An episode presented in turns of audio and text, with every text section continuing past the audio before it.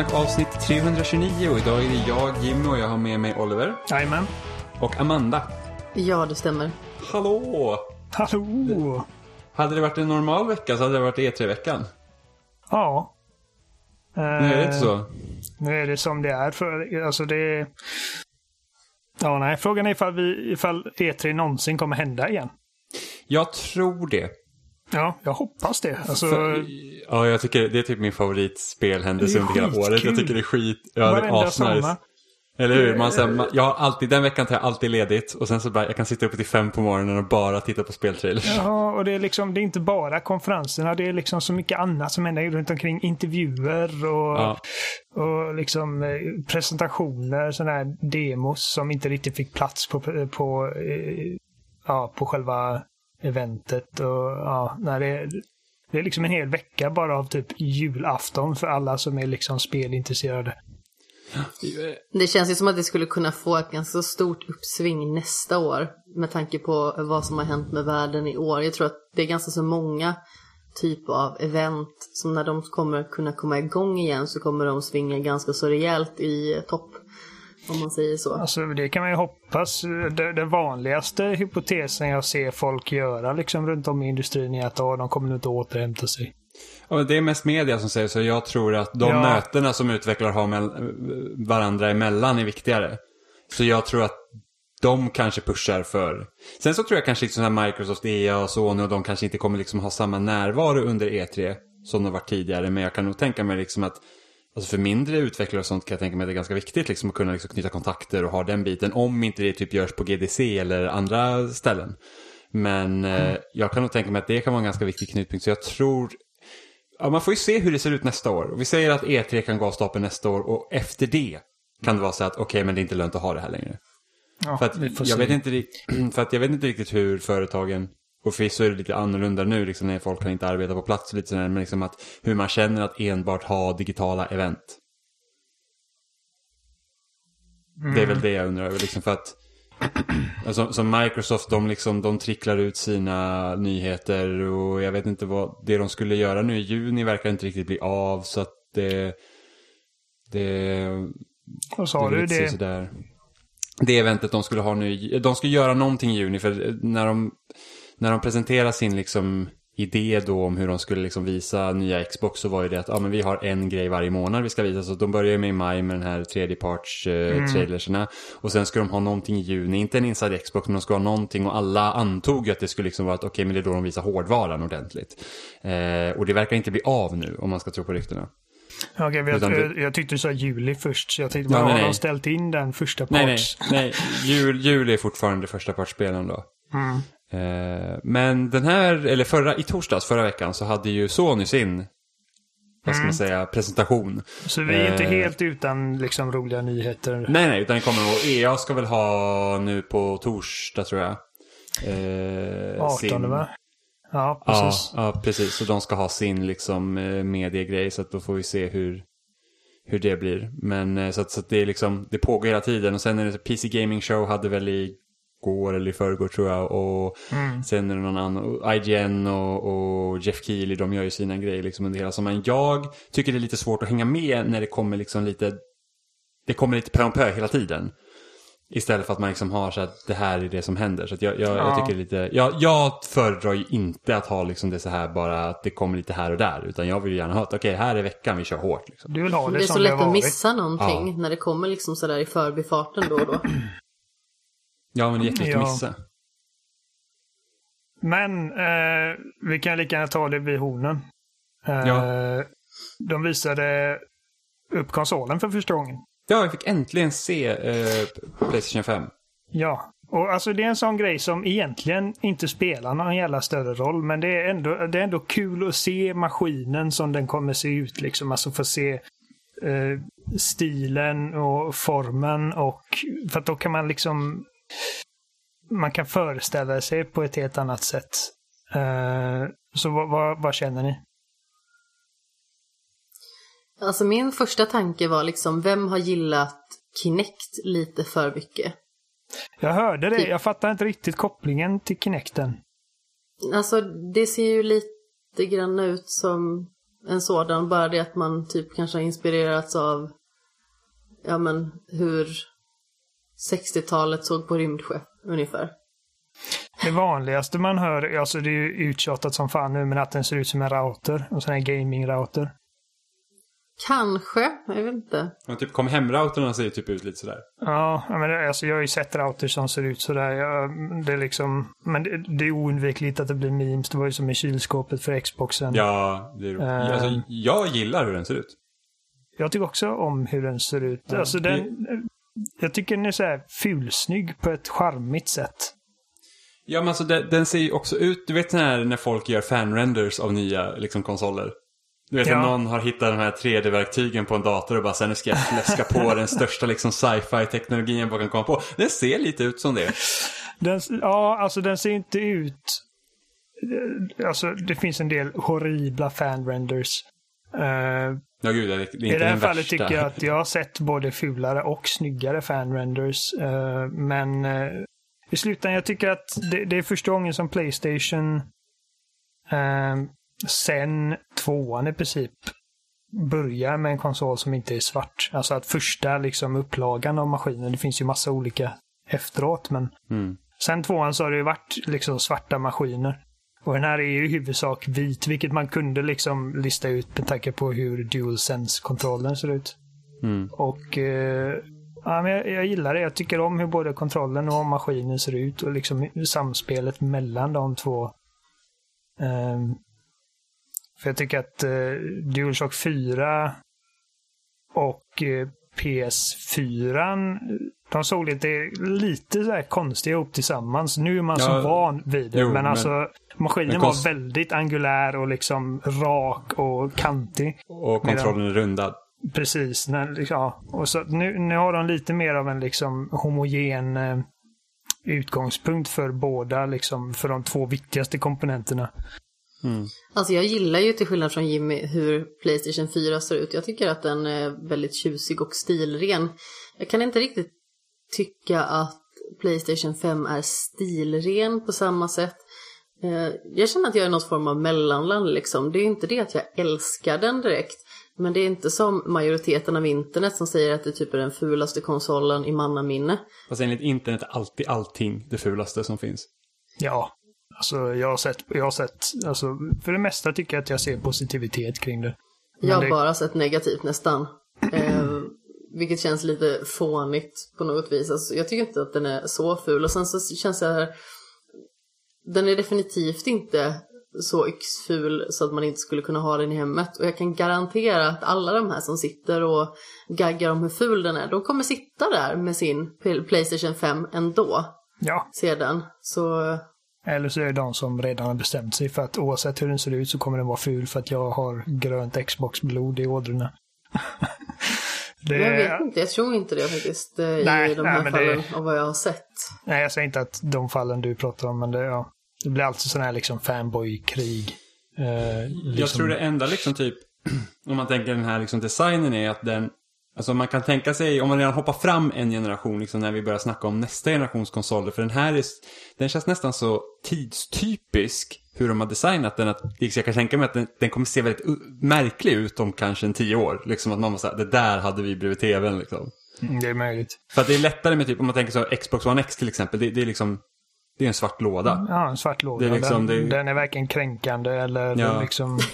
Nej, och även liksom en svart PS4, liksom, även om den är kantig och så, så den, liksom, den ligger under tv-bänken och den, liksom, den, den tar inte märkbart plats egentligen. Nej, och den, den smälter in i tv-bänken. Det, det ser ut Ja, som en liksom maskin. Inte min, min är röd med stor jävla fet Spiderman-tryck på den. Ja, och jag har Batman-skin på min. ja. Gud. Som jag aldrig kommer kunna ta av. Det är sånt, alltså, det finns... Du, ingen kommer någonsin kunna övertyga mig att köpa ett skin till min maskin. Det spelar ingen roll vad motivet är.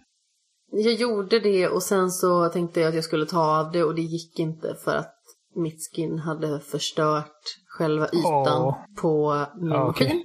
maskin. Så bra. då fick jag klistra fast det igen, snällt. För att det finns liksom ingen räddning för hur det ser ut där under till. Min Jag vet, P- eh, du sa det att du tycker, till skillnad från Jimmy, så tycker du PS4 är snygg. Vilken, vilken av modellerna är det du pratar om? Är det den första eller Pro-varianten eller? Jag tycker om båda. Alltså, Pro är ju lite mer rundad i hörnen och så, vilket jag kan tycka ser ganska mysigt ut. Och ha en extra rad. För jag tycker Nej, första... den har en rad mindre. Nej, P- Väl? PS4 Pro är tre stycken. Ja, just det. Ja, förlåt, Ja. det är jag som är ute och cyklar. ja, den har precis. tre lager liksom. Så den är Eh. fulare än originalet. Originalet Nej. tycker jag, tycker jag är snygg. Eh, jag tycker definitivt att den är snyggare än vad Xbox One originalmodellen är. Eh, men Pro-varianten har, har jag egentligen ingen åsikt om. Det är bara liksom en kloss som ligger där. Precis som jag tycker om typ Xbox Series X. Att det är liksom... Det är bara en grej. Så att... Det, jag känner inte liksom av mycket av designen där.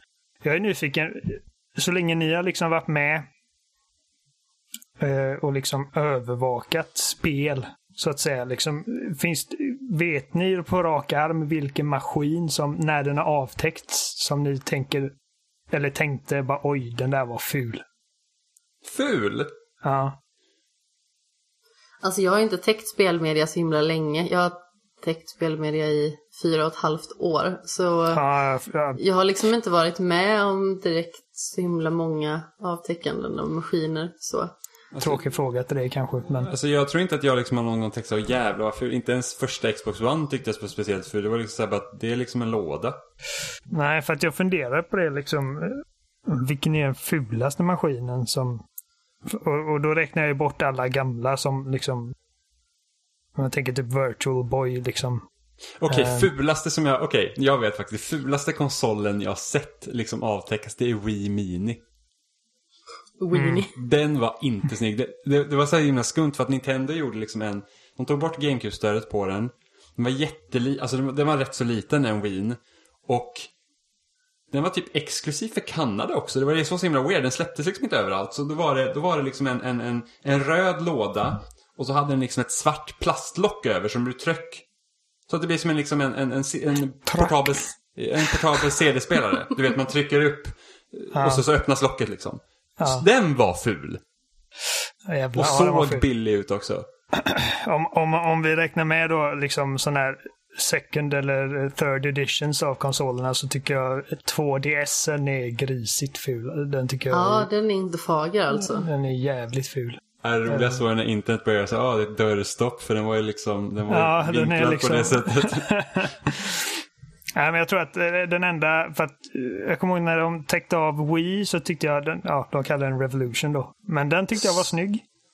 Ja, snyggt. det var ju så häftigt med Revolution. Alltså det kändes verkligen som att man liksom Ja. in... Och det var ju Den liksom... var svart också. Ja, och det var ju också första gången som jag var liksom med när det skulle vankas nya konsoler. Ja, man var liksom in the loop så att säga. Ja, så att det var ju liksom, och, och jag som i princip bara läste Nintendo-nyheter vid den tidpunkten. Jag sket ju liksom i PS3 och 360 och den där. Jag var liksom, det är bara, jag köp, jag prenumererar på Superplay för att jag vill läsa om Nintendo. Det var liksom därför. Eh, Så att då var det liksom, det var ju jättestort. Alltså Wii tror jag fortfarande är liksom den grejen som att det är nog det jag längtat mest efter liksom när det släpps någonting. Alltså jag var så peppad på den konsolen.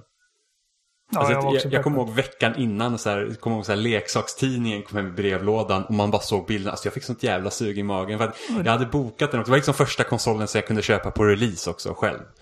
Mm. Så det var fantastiskt. Ja, men samma här. Eh, Jag var, du var 15 då och jag var 16. Det, Mm. eh, jag gjorde min första förtitt för en jätteamatörish spelsida då.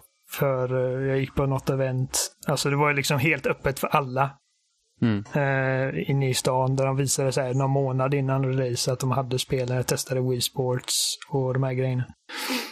Så att uh, Wii var spännande och jag minns att det var inte bara liksom du. Alltså det var ju Folk var generellt väldigt peppade på Wii. Jag menar, kommer ihåg avsnittet i South Park där Cartman får för sig att frysa ner sig. För han inte orkar vänta på Wii längre. Han är tre veckor till re- release liksom. Han bara I'm gonna die. Nej, men det, det, det, jag kommer ihåg dock att jag tänkte, hur kommer de kunna konkurrera grafiskt med den lilla maskinen liksom? Så här lite naivt. Jag borde ju fattat då liksom att det, de kommer Nej. inte konkurrera grafiskt. jag, jag hade ingen koll på sånt vid den tidpunkten så liksom det bekymrade mig inte överhuvudtaget. Eh, men jag kommer ihåg att det var ju de utvecklarna som gjorde The Conduit som var det här FPS-spelet som kom till Wii. Och de bara, men ja, vi, kan göra, vi kan göra spel med exakt eh, likadan grafik som till 360 och PS3. Ja. Och The Conduit såg ju verkligen ut som typ skit. Alltså bara designen var ju hemsk. Ja, gräslig. Jag spelade mm. The Conduit också. Så jag... Nej. Nej, men jag tror att den enda gången som jag liksom har sett en avteckning av en maskin och känt att jag blivit besviken, det var nog Xbox One. Inte för att den är ful, utan för att den är bara så tråkig. Uh, liksom en rektangulär låda. Det, alltså, det, det, kan man i alla fall säga om Series X, att det inte är en liksom, konventionell form för en uh, konsol. Nej. Uh, så att... Och jag, och jag, jag kommer ihåg när de visade Xbox Series X, jag tycker den designen är klockren, men så att när man ställer den bredvid PS5 så bara den ser lite tråkig ut i jämförelse. Alltså det ser ut som en högtalare. Ja. Um, Jimmys högtalare som han har här, de ser typ likadana ut. Ja, fast små. Har ni sett hur stor den här besten är?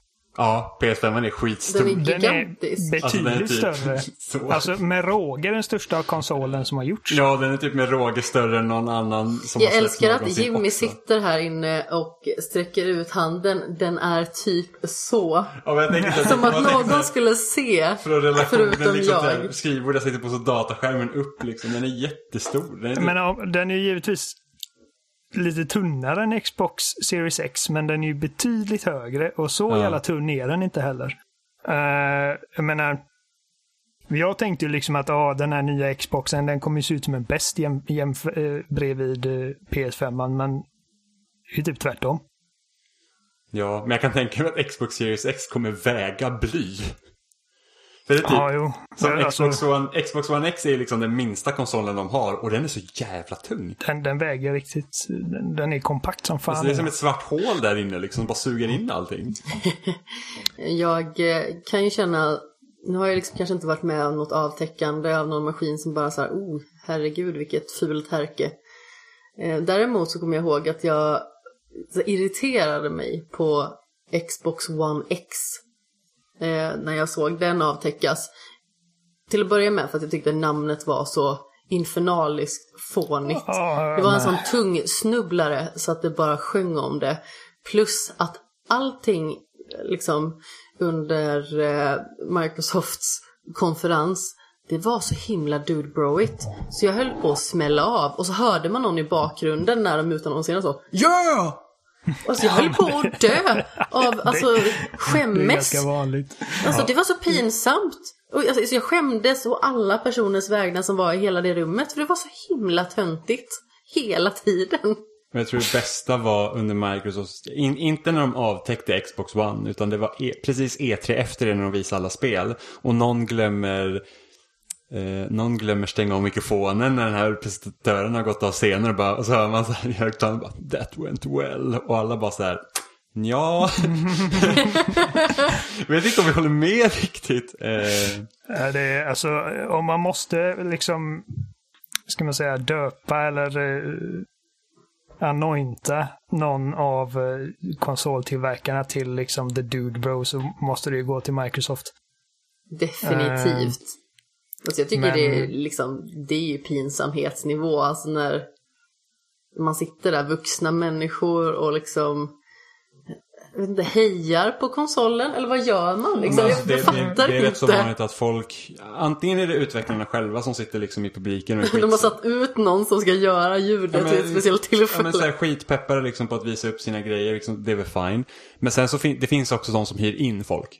För att sitta och tjoa och skimma längst fram. Mm. Ja, det kan jag tänka mig, absolut. Alltså, alltså, men varför kan man inte heja, eller liksom, varför kan man inte heja? Varför kan man liksom inte hyra in någon som gör någonting vettigt då istället för att vara en tönt? Men inget har varit värre än på Bethesdas konferenser de senaste åren. Där är alltid så här typ, yeah! Ja. Yeah! Allting! Och sen så var det typ så, ja ah, men vi, vi är så här, ni kan köpa den här skon till er karaktär för typ 100 spänn. Yeah! Och man bara nej, det är inget yeah! Sluta! Teraflops, megasnops. Ju... Men eh, nu har ju både Sony och Microsoft visat lite första handen här. Eller liksom börja lägga korten på borden. Liksom, för att det är Mm. inte så långt kvar till release. Eh, och vi var ju alla ganska överens om att Microsofts första liksom, video eh, mojs liksom var inte jättelyckad. Eh, Ja, det kan man lugnt säga. ja, men, liksom, och speciellt om man jämför med den här konferensen. För jag känner ändå liksom så här att de visade trailers i samband, alltså varenda spel under Sonys liksom, visning nu fick ju liksom god tid på sig. Det var tillräckligt med variation för att man skulle liksom känna att varenda spel Är ett spel. var liksom något annat. Det liksom, de flöt inte samman och man liksom fick lite se vad, vad, vad, vad allt skulle gå för. Helt enkelt. Det, det, liksom, det kändes som ett väldigt bra avvägning mellan liksom att ganska rappt visa titlar och samtidigt fick man se tillräckligt mycket för att inte sitta med ett frågetecken och bara vad fan är det här och varför ska jag bry mig? Och Sony, alltså nu har de ju lite ett övertag där med tanke på att de inte kör, att de inte begränsar sig till bara tredjepart och så vidare. Men de hade ju liksom faktiskt grejer som de visste att folk skulle bli glada över. Alltså utannonseringar av spel ur älskade spelserier. Ja, Vilket, jag menar, Wow, ja. jag kommer inte ens ihåg ifall det var någonting på Microsofts som fick mig att ens jag vet inte, höja ögonbrynen. Alltså, jag kommer det inte ihåg alla här- spel nu. Nej men det var ju typ så att ja, men jag kan spela det där sen när man får veta mer och liksom vad det är för någonting. Medan här var det så att här kan jag faktiskt se så bara det där ser kul ut och det där är jag intresserad av. Eh, men det som slog mig mest var och det här kom inte riktigt fram under visningen utan det här är sånt som man har sett i efterhand. Eftersom det är lite så här, ja men Microsoft kör alltid med sitt World Premiere men det är ändå ganska liksom så här, de pratar liksom console exclusive eller time exclusive. De var ganska tydliga med liksom så här att de här spelen liksom, de lanseras först på vår konsol och sen kommer till efteråt. Eller liksom att, ja, på det sättet. Sony är lite liksom mer muddy med hela den grejen för att det är först i efterhand man liksom har fått reda på vad är det som egentligen är exklusivt. Och det är bara det att det är många av de spelen som de visade som faktiskt ska släppas först på PS5. Innan de kommer till, till eh, Xbox. Ja, det är några Eh. tidsexklusiviteter och grejer. Det är många tidsexklusiviteter. Och, och, jag tror de mest förvånande tidsexklusiviteterna är typ Bethesdas spel. Både Ghostwire Tokyo och eh, Deathloop är eh, konsolexklusiva till en början. Eh, och, och det får ju mig liksom, och, för att om man nu tänker på hur Microsoft har liksom hittills, vad, vad liksom de verkar liksom verkligen satsa pengarna på än så länge innan vi liksom, de, de börjar liksom visa spel. Det är det här att okej men ni har en Xbox One, ni vill bara uppgradera er maskin, det följer över, ni har Game Pass, allt det liksom kommer följa med. Liksom, vi, har ett, vi har ett ekosystem ni vill vara en del av. Medan Sony nu för att liksom verkligen särskilja sig var så att nej men vi tror på generationer. Vi liksom, när ni köper en ny konsol, då är det liksom nästa stora grej. Ni ska, ni liksom, det är ingenting som kommer hålla tillbaka, även om nu inte Xbox One-spelen heller kommer hålla tillbaka det som kommer på Xbox Series X på grund av optimering och allt sånt där. Och liksom att man kan ju boosta och sånt. Men, men liksom att det är liksom det medel att de väljer att eh, framhäva. Och, och det får mig liksom att väldigt mycket tänka på att de vet om att folk gillar deras eh, första partstitlar. De Ja. vet att det, det är Last of Us 2, det är God of War, det är Horizon. Så att de kör stenhårt på spel. Och därför tror jag liksom också att de kör liksom att men vi har liksom fångat in de här tidsexklusiva konsolspelen. Eh, och det får mig väldigt mycket att tänka på eh, Microsoft under 360-tiden. För det var, de hade ju Bioshock, de hade Mass Effect, alltså massa sådana som man liksom synonymt tänker på Microsoft eller Xbox eh, när de spelen släpptes.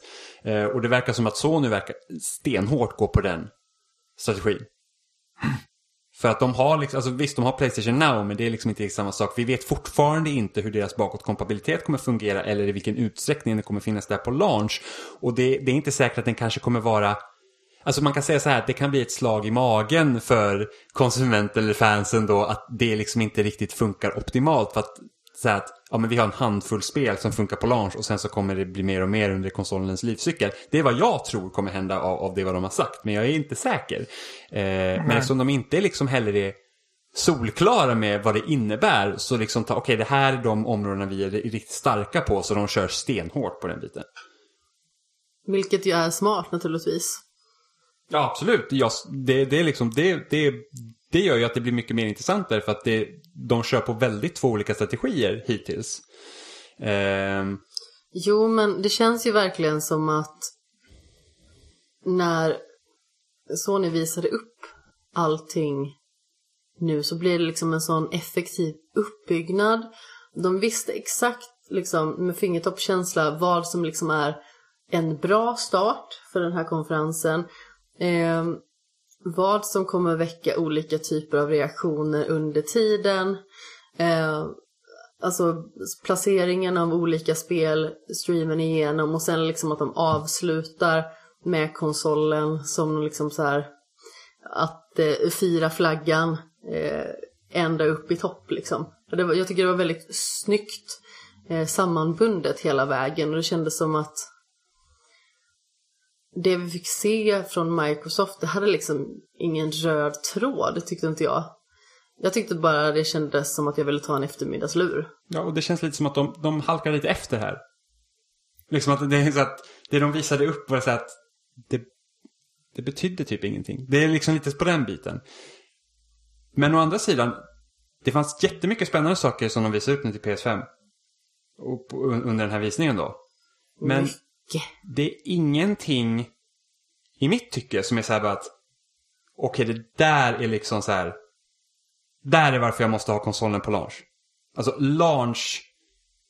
Launchdagen är fortfarande oklar. oklar. Jag, jag, jag är 100% övertygad om att Spiderman kommer släppas till launch. Jo, det, Man, det tror jag också. Precis. Men det är liksom inte... Det är inte kioskvältaren som får mig att kasta mig över PS5. Nej, för att det är ju... De har ju varit lite otydliga med just Spiderman Miles Morales. Uh, för att jag kan tänka mig att det var många som tittar på, den här, uh, på det här eventet och förväntar sig att detta är liksom Spiderman 2. Och uh, Miles har över huvudrollen efter Peter Parker. Medan vi, när vi, vi satt i party på Xbox och kollade. Och, Ädelse. fan, jag kan inte kolla på Sony presskonferens utan att du vet, sitta på Xbox. Nej, precis. jag gjorde det med kniven mot strupen vill jag bara tillägga. Nej, men eh, alltså vi, vi kände väl, eh, eller jag tror att det, var, det kanske var du Jimmy som, eh, som sa det först, att det här känns som liksom som för Infamous Second Sun, det här standalone expansionen. Mm. First Light tror jag det heter. Ja. Ja men det var, det, det, var det jag tänkte på, liksom, att det här är liksom ja. en, en, en, För att så som Spiderman slutar så, så, känner inte jag att det är en logisk grej att hoppa över till Miles Morales efter det. Nej, precis. Jag sa ju det. Alltså, jag är inte beredd att överge honom än. Jag kan tänka mig liksom att uh, det kan hända längre fram. Nu vet vi inte hur länge de tänker göra Spiderman-spel, men ni förstår vad jag menar. Uh, jag tror att de vill göra någon form av överlappning där när man liksom har mer fokus på Miles för att man sedan ska kunna på något vis väva samman dem ännu det, mer. Det är mycket möjligt liksom att, att vi kommer ha två protagonister i Spiderman 2. Ja men precis, det var lite det jag tänkte liksom att de kommer varva just mellan de två, att de kör någon form av tag team. Ja, för, för, att redan i de första... De kan faktiskt ha ihjäl Peter Parker i nästa spel om de vill. Ja, för att redan i första liksom... spelet så fick vi spela olika karaktärer. Så att de är ju liksom inte... Det finns ju Helt liksom... Emot. Nej, precis. Så att... Uh... Och man har ju redan fått känna på Miles lite grann. Så. Ja, spelets sämsta del. Nej, det var faktiskt inte spelet. Det var, det var inte spelets sämsta delar. Tyvärr så var det när man fick spela som MJ för att de hade sån otrolig potential med vad man kunde göra där. Man liksom man bryter alla jättespeliga moment eh, med liksom det här med svingandet och näten och slag och sparkar och hela den biten. Och så gör de det ganska så tråkigt och jag tycker att det var väldigt synd för jag hade velat ha mer, alltså liksom skulle kännas verkligen så här grävande journalistik, alltså någonting som är lite mer mystiskt och hemligt. Ja, och det, det kändes lite... liksom bara som att hon gick runt. Ja men det är lite tråkigt att både Miles och hennes liksom sekvenser mer eller mindre urartade bara i stealth-sekvenser. Ja, och inte på ett så roligt sätt heller. Det är ju det som är Nej. det värsta. Det är, liksom, det är ganska så eh, sorglig stealth om man säger det, så. Det, det händer inte så mycket. som absolut sämst. Blir det upptäckt så är det liksom checkpoint och det finns liksom en lösning på alla problem. Och det är liksom, det är ingen inget, liksom, det är ingen sandlåda inblandad. Det är, du bara går på räls i princip. Det finns en... Den roligaste delen med MJ är när man får uh, välja ut uh, liksom target för Spiderman. När man är i Grand Central. Ja. Eh. Ehm, men alltså om vi tar och gör en jämförelse till exempel så har vi ju Vi har ju Spiderman i strid som är så otroligt mycket Spiderman som det bara går liksom ända in i ben och märg och det är fantastiskt. Eh, och sen så har vi också Batman liksom som har eh, både väldigt eh, stridsfokuserade moment men de har också smyga moment. Och visst, mm. det liksom tillhör karaktären på ett annat sätt men just smyga momenten i Batman, alltså hur dålig man kan vara läx jag igår. Eh, som verkade som att jag hade klister på fingrarna eh, och klantade mig hela tiden. Eh, alltså, det finns så många olika lösningar och det handlar liksom bara om att vara kreativ och göra sin egen grej. Eh, och det tycker jag fungerar mycket bättre i Batman så de kanske borde ta en liten kik ditåt i en sån Alltså även om det liksom är andra karaktärer som ska göra smygande moment så kanske Insomniac borde ta en liten kikare åt det hållet i alla fall. Tycker jag. Det har de garanterat redan gjort alltså. uh, jag tror att de ja, har kikat på Arkham-spelen de... en eller två gånger. De behöver nog kolla lite uh, noggrannare då. Känns. Jo, ja precis. Jag, jag, jag bara menar att uh, Ställ alltså, in kikan Kenneth! Det finns inte en chans att Spiderman-spelet inte redan är influerat liksom Nej, av... nej, alltså det är ju uppenbart. Alltså i striderna så märks det jättetydligt med det liksom flytet som man har när man slåss. Precis. Men, um... men vad, vad, vad tror, vad liksom, okej, okay, nu, så har jag korten på bordet. Vad, vad behöver, liksom, vad måste Microsoft göra, vi säger då, för att typ matcha eller överträffa det? Liksom, för att när jag liksom lyssnar på andra liksom så Xbox-poddar och lite sådana grejer. Alltså alla lägger så mycket vikt på Halo Infinite. Och då ställer jag jo. frågan, och nu vet jag Amanda du har inte spelat Halo och jag vet att du har spelat jättemycket Halo Oliver. Men liksom så här. Är Halo så pass stort idag? Alltså för mig är det ju det. Jo för dig men liksom, alltså, jag älskar också Halo men liksom så här att kan ens Halo räcka? I vilket av, alltså, eh, tänker ja, liksom du just launchdagen? Nej, eller? nu tänker jag liksom så här, deras nästa showcase. Liksom så här, det här är varför du ska spela ja, ja. För, att, för att om vi tittar nej, nu på, på det så. gör det inte. Nej, för att det är liksom, jag känner så att hade Halo varit, alltså för det är inte Halo 3. Halo, alltså Halo 3 slog alla rekord när det släpptes. Det var liksom ett stort event. Ja. Och sen dess har inte Halo varit ett event. Nej.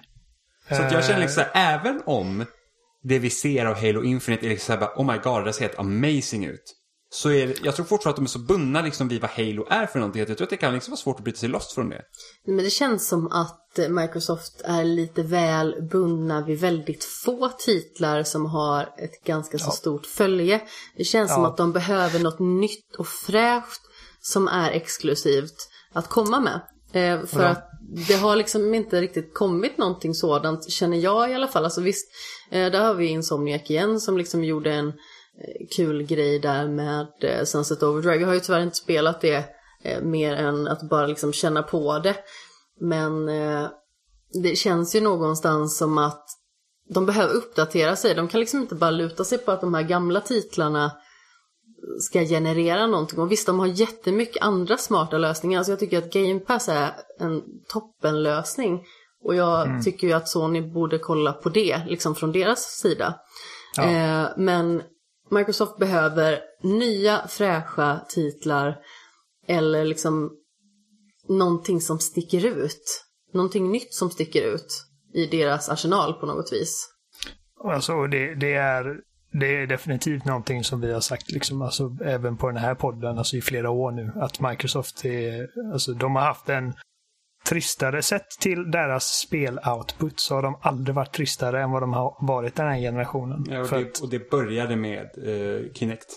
Alltså, de har, de har, alltså sen, ah. två, sen de släppte Kinect, alltså det, det här är alltså ett årtionde har de varit liksom på nedgång på den fronten. För att det, liksom, det har inte hänt någonting. För liksom, redan under 360-tiden liksom, jag kommer ihåg 2008. Forza, Fable, eh, Gears, Halo. Det var liksom deras fyra. Och just nu har de liksom, de har Forza, Gears och Halo. Mm. Och alltså, kollar man, oj förlåt Oliver. Kör nej, säg du, säg du. Och kollar man å andra sidan på Sony där så har ju de så himla mycket mer vidd i vad det är de släpper på sin konsol som är exklusivt. Eh, de har liksom inte bara spel som har olika typer av alltså spelmeka eh, spelmekanik eller liksom olika typer av utformning utan det är liksom det är olika typer av berättelser också som intresserar ganska så många olika människor. Alltså vi har ju eh, dels så har vi ju de här lite mer Alltså det är ju barnvänliga spel men där ju samtidigt som som tilltalar åtminstone mig till exempel. Alltså typ Ratchet Clank tycker jag ju är superroligt för att det väcker liksom en barnslig ådra i en med alla liksom eh, explosioner och konstiga attiraljer som man kan eh, framkalla liksom i sin arsenal och sen så har vi liksom mer seriösa spel som The Last of Us och Uncharted som också kan vara mer seriöst, bara det att det har liksom en lite mer äventyrlig ton på det sättet snarare än liksom någonting som ska vara hjärtskärande. Det känns som att de är mycket mer nyanserade på något sätt. Eh, skalan är eh, så himla Ja, mycket definitivt. vidare. De är definitivt mer nyanserade. Eh, och de har... Säg- säg- säg- Alltså stora problemet var att ledningen på Microsoft fastnade i spel som tjänst och multiplayer. Ja, De har liksom snurrat in sig på det och då liksom så att, för det är så ni gör, det är så att, ja men de värderar, och det är såklart, säger man att man har en Playstation och så bara, jag älskar multiplayer, då kanske man känner att det saknas i deras repertoar. Det finns inget, det finns liksom inget jättestort community kring liksom en större multiplayer-serie där, även om det finns för tredjeparts utgivare då och utvecklare. Eh, medan Microsoft har helt liksom gått in på det, liksom, helt nu hur de har utvecklat liksom Xbox Live och sånt. De har alltid varit i förfronten på det. Men liksom, det finns bara så många multiplayer-titlar du kan ha innan du liksom tappar intresset. Medan liksom ha en eh, 10-20 timmars kampanj, då liksom kan du köra igenom den en gång och sen så kan du liksom vänta då på nästa. Eh, som inte liksom, det ska inte pågå en evighet och du gör hela tiden när det kommer nya titlar då liksom kan du hålla alltså, intresset uppe helt enkelt. För att det är, liksom, det är nytt och spännande istället för att nu kör jag liksom match 1000 i Halo. Och sen Gears. Och sen Halo, något annat liksom. Halo är fortfarande viktigt för Microsoft. Men Ja, det absolut. kommer aldrig vara den kioskvältaren som det har varit förut. Det kommer aldrig bli en sån genre, eller säga, genre eller generationsdefinierande titel Alltså, igen, alltså, alltså om de lyckas göra typ en God of War med det. Det, är liksom att det, det här är liksom inte bara för Halo-fans. Det här är liksom så att gillar du spel så måste du spela det här. För att det är liksom, Men- det är, det är på den nivån. Jo, alltså det är just- an, an, det är inte omöjligt att göra något Nej. sånt. Alltså, jag, jag tror att det finns större utrymme för det i ett Gears of War-spel än i Halo. Eh, Och det är ju det någonstans också som fick mig att bli mer intresserad av Gears of War. För jag fick ju välja vilken av de här serierna som vi skulle ta oss an först när vi liksom skulle spela igenom allting. Och Gears of War känns ju mer tilltalande på något vis. Alltså, sen så... det är betydligt mer karaktärsdrivet än vad Halo är. Ja, och sen om- å andra sidan så det kan ju också ha lite med saken att göra att jag är mycket bättre på att skjuta i tredje person än första person. Och jag tycker att tredje persons skjutande eller tredje persons spelande är roligare än första persons spelare. Jag tycker att det är lite jobbigt att spela i första person.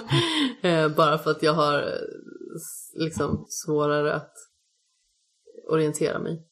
Jag förstår. Nej, men alltså Halo är mer karaktärsdrivet än vad Halo är. Jag vill säga, Gears är mer karaktärsdrivet än vad Halo är. Det är bara att skillnaden mellan en grej som, som Gears eller någonting på Sonys sida är liksom att ma- alltså, de gör det inte lika bra som Sony gör det. Och alltså även typ i ett spel som Days Gone eh, som jag vet, jag vet att Jimmy gillar det väldigt mycket och jag tycker också om det. Men det är ju ett sånt spel som har sina liksom detractors. Definitivt. Men det är ändå ett spel som lyckas få till liksom eh, den karaktärsdrivna naturen i spelet. Ehm, jag, eh, jag tycker definitivt att man kan se liksom en röd tråd som går genom Sonys första partsspel. Liksom jag tycker att Gears of War, eller God of War betyder liksom eh, det, det påminner väldigt mycket om Last of Us på ett mekaniskt sätt. Eh, liksom inte bara typ sett till att det också nu är ett väldigt karaktärsdrivet spel, men utan också att du har liksom en yngre companion som man liksom bygger ett band med och liksom det är det hela upplevelsen handlar om i, stor, i mångt och mycket. Eh, precis som Horizon Days Gone och även liksom av vad vi har sett av Ghost of Tsushima så är liksom det tre spel som känns som det passar in i ett väldigt fint paket. Liksom open world, lite så här formulaic, men förhoppningsvis eh, liksom ett välgjort sådant. eh, Jo, men man är- känner ju att det- verkligen hur deras exklusiva titlar osar kvalitet. Precis, de är extremt välgjorda. Även om, eh, även om liksom, som jag tycker, liksom både att eh, Days Gone och Horizon eh, hade jag gärna sett liksom ta ut svängarna lite mer och typ tillföra mer egna idéer. Eh, men även om det är liksom beprövade idéer så är de extremt väl utförda. Och eh, liksom som sagt, vi pratade om det i, i spoilercasten för The Last of Us som vi la ut idag, att eh, utförande är allt, i alla fall för mig. Ehm, och där är de väldigt bra och jag tror att det, det största som, som om man bara ska liksom peka på en anledning till att Sony har liksom skött sig så bra eh, där Microsoft kanske inte har gjort det är att de har låtit, eller utvecklarna av Sony har tagit risker. Eh, Medan alltså vi ser liksom Gears of War har inte utvecklats sedan första spelet i princip. Alltså, när, när Gears of War 1 kom så var det en big deal. Det kändes fräscht, det kändes spännande, det kändes high tech och liksom cutting edge. Det fanns ingenting som var snyggare än Gears of War när det kom. Um, och liksom det här med äh, coverbaserad coverbaserat shooting och hur liksom en, allting rent mekaniskt eh, kretsar kring en knapp som gör i princip allting. Det kändes som en väldigt bra, uh, lättillgänglig idé då. Men sen dess, alltså Gears of War har liksom truckat på och de har gjort det större och snyggare och de har liksom expanderat lite på det ditten och datten, men alltså det har ju hänt mer mellan God of War 3 och det nya God of War än vad det har gjort med hela liksom Gear-serien. Ja, absolut. Eh, så att, alltså, och jag tror att eh, jag tror inte vi, alltså som sagt, jag har sagt det här hur många gånger som helst, men vi kommer nog aldrig få se ett liksom ordentligt spännande, eh, alltså riktigt liksom fräscht nytt Gears of War förrän de helt och hållet slänger ut allting som de tror är heligt. Liksom bort med Mm, att A grunden. gör allting. Precis. För att alltså, ha- hade man frågat Döda liksom av mig... Marcus Phoenix. nej, men Nej, det kan jag Marcus, tänka mig att de Marcus kommer Phoenix göra. måste vara kvar. Ja, Det är det nej, enda liksom- som man inte får röra. Allt Nej, men som bara är rent Jimmy. spelmässigt. Mm. Eh, hade du, alltså jag är ju ändå ett God of War-fan, precis som jag är ett Gears of War-fan. Men alltså, hade du efter God of War 3 eller God of War Ascension kan man ju också säga, hade frågat mig liksom, ja men vill du att de ska liksom slänga in han i den nordiska mytologin, ge honom en liten son, flytta perspektivet till liksom bakom axeln, ta bort Blades of Chaos och ge honom en yxa och ha liksom typ Dark Souls, liksom det här typ locka på en fiende, cirkla. Liksom. Jag hade bara nej, aldrig i livet. För att för mig är det liksom att de här grejerna som var Gears of War fram till den punkten, det var heligt. Och allting är heligt tills det plötsligt inte är det längre. Och det liksom, det, det krävs ett team som vågar göra de besluten. Liksom, kill your darlings, bara allting vi tror att Gears of War måste vara. Bara, tänk inte ens på de grejerna. Precis. Men jag har liksom en idé om vad de skulle kunna göra för att liksom verkligen få upp uppmärksamheten för deras konsol, liksom det som kommer. Eh, och ett, det är att fixa ett jävligt läckert Banjo Kazooie. För att jag tror att det är så många nostalgisträngar som är för många människor där. Att, att alltså folk skulle Ja. liksom verka, alltså de som går nästan över lik för att få ett Banjo Kazooie som ser liksom ut på samma nivå som ett Super Mario Odyssey.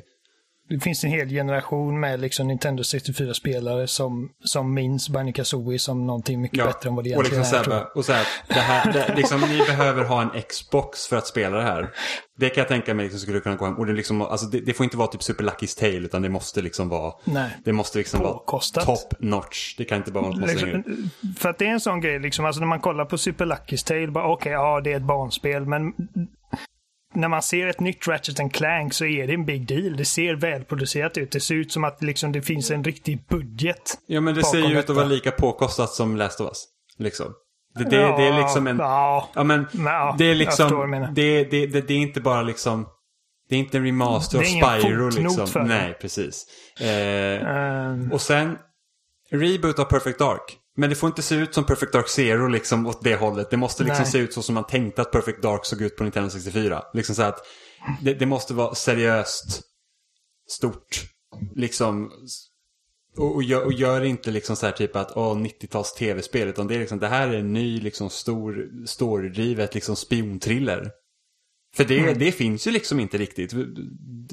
nej, det fanns mycket för typ 15-20 Ja, år men sedan. Splinter, Cell- Splinter Cell är borta, Metal Gear Solid är borta. Liksom det, och gör det liksom... Kommer ni ihåg No One Lives Forever? Nej. Det var ascoolt. Ja, Det levde verkligen inte för alltid. nej. nej. Så, att- så att, eh, det, det kan jag tänka mig liksom att det, det skulle kunna få många liksom att öppna upp ögonen och att okej, wow, liksom att det här ser också Mm. ut att vara något speciellt. Och sen något helt nytt.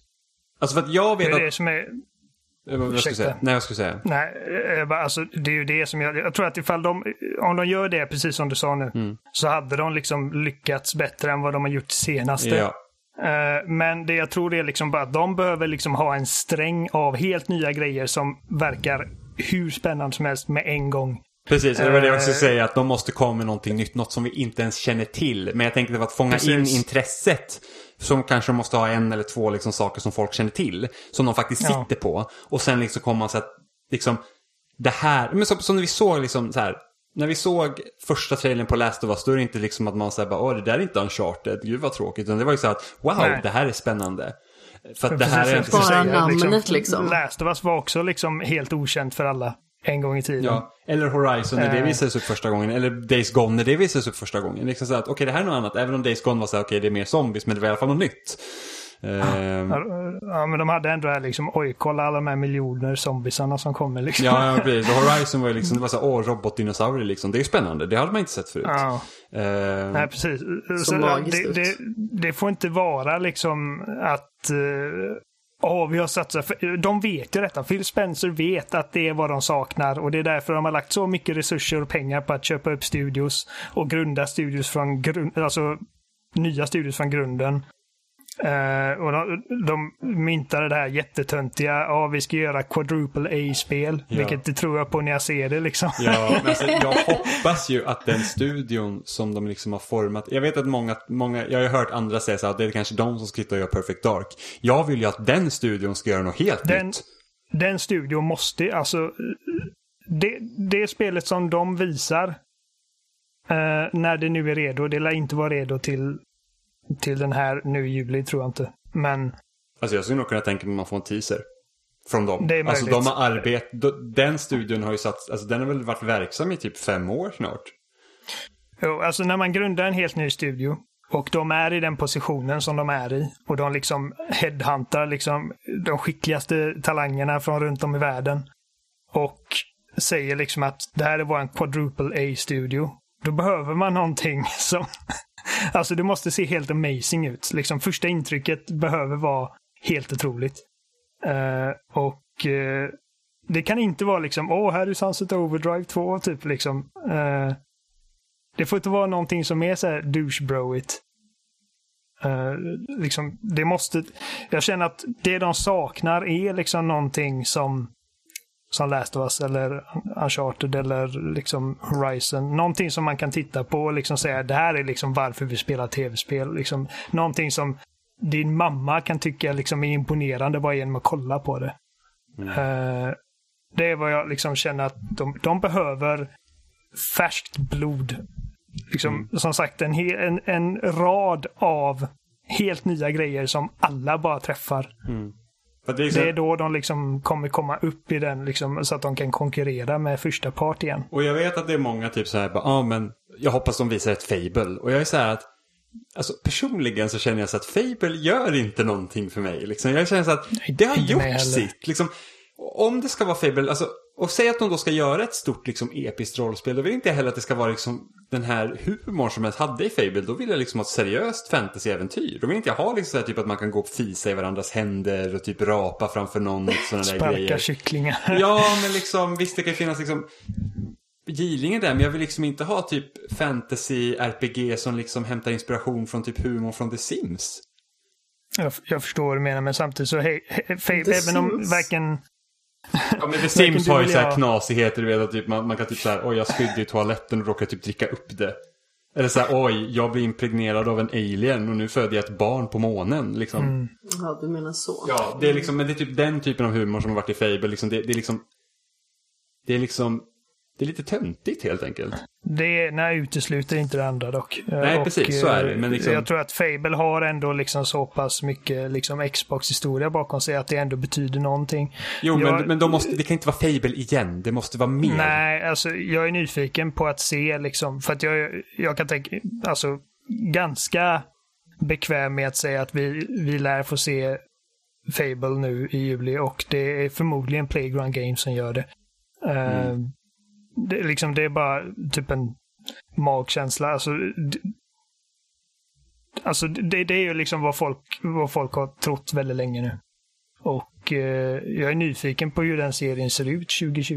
Mm. Uh, och jag vet liksom att Playground Games är jävligt duktiga. Mm. Men, men, men, det kan liksom äh, inte se ut som Fable 3. Det kan liksom inte vara Fable igen. På det sättet som det har nej, varit. Nej, jag. det behöver ha liksom en ny form, någon ny hook. Ja.